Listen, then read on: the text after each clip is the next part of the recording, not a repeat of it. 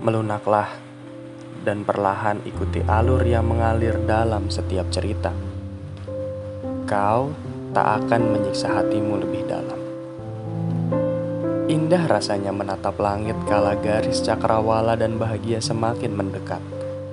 Terima kasih atas sapaan dan tanggapan yang membuatku bersyukur tak beralih. Bagaimana perasaanmu sekarang? Kuharap bukan sebuah persembunyian atas persembahanku yang masih bertahan hingga saat ini. Begitupun dengan hari-hari ke depan, aku tak akan pergi. Kembali aku akan menulis perihal rasa dan dirimu yang tak habis kuceritakan dalam doa dan syair. Entah komposisi apa yang menyusun dirimu.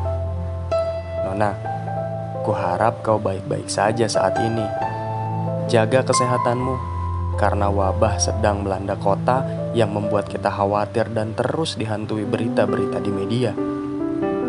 Pastikan kau cukup istirahat, agar senyum manis tanda bahagiamu terjaga hingga musim berlalu dan berganti.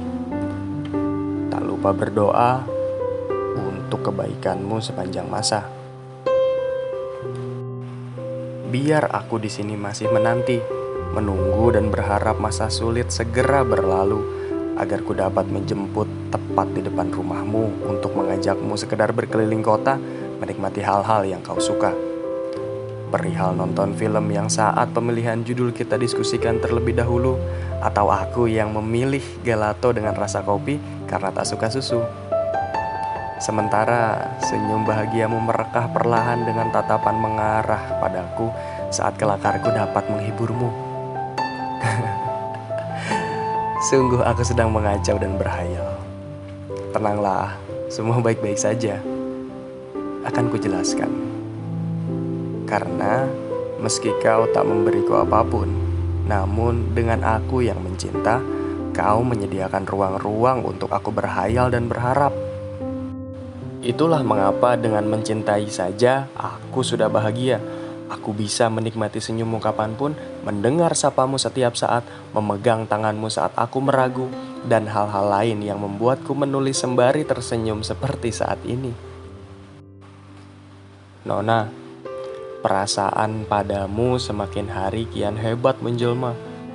Rasa yang mendorong intuisi untuk terus memikirkanmu, mengagumimu, dan harapan agar kau selalu baik-baik saja karena ada mimpiku padamu, Nona. Jika suatu saat Tuhan dan kau mengizinkan aku untuk memilikimu, kupastikan lengkaplah separuh kebahagiaanku, karena kau adalah yang kuinginkan dan butuhkan. Namun, jika kau dan Tuhan tak mengizinkan hatimu untuk kumiliki, apalah lagi yang dapat kulakukan? Hanya dapat berpesan bahwa buktikan kau dapat kebahagiaan yang lebih agar aku pun bahagia melihatmu. Jika suatu saat ada yang menyakiti dan membuatmu bersedih, ketahuilah, aku pun terluka. Jika lingkungan membuatmu berseri dan senang, maka di sanalah aku sedang tersenyum. Mungkin tak banyak yang dapat kusampaikan dalam tulisan ini, karena selintas soal rasa dan kecewa pun terkadang masih menghampiriku di sudut kamar sempit ini. Namun, anggaplah hal itu wajar karena hatiku masih utuh dapat merasakan bahagia dan sedih. Aku pernah berpikir bahwa sedih dan bahagia adalah hak daripada hati yang harus kita rasakan keduanya.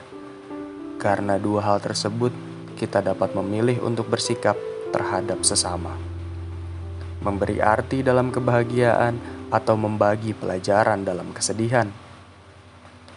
Mari kita terus mengukur diri dan sikap terhadap sesama. Maka dari itu, Nona, aku pun sudah terbiasa merasakan bahagia dan sedih, seperti rasa yang terus mendaur ulang cinta membuat semua bergantian.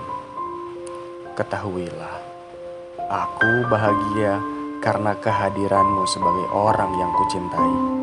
Dan aku bersedih karena tak cukup membahagiakanmu agar kau dapat mencintai. Nona, terima kasih.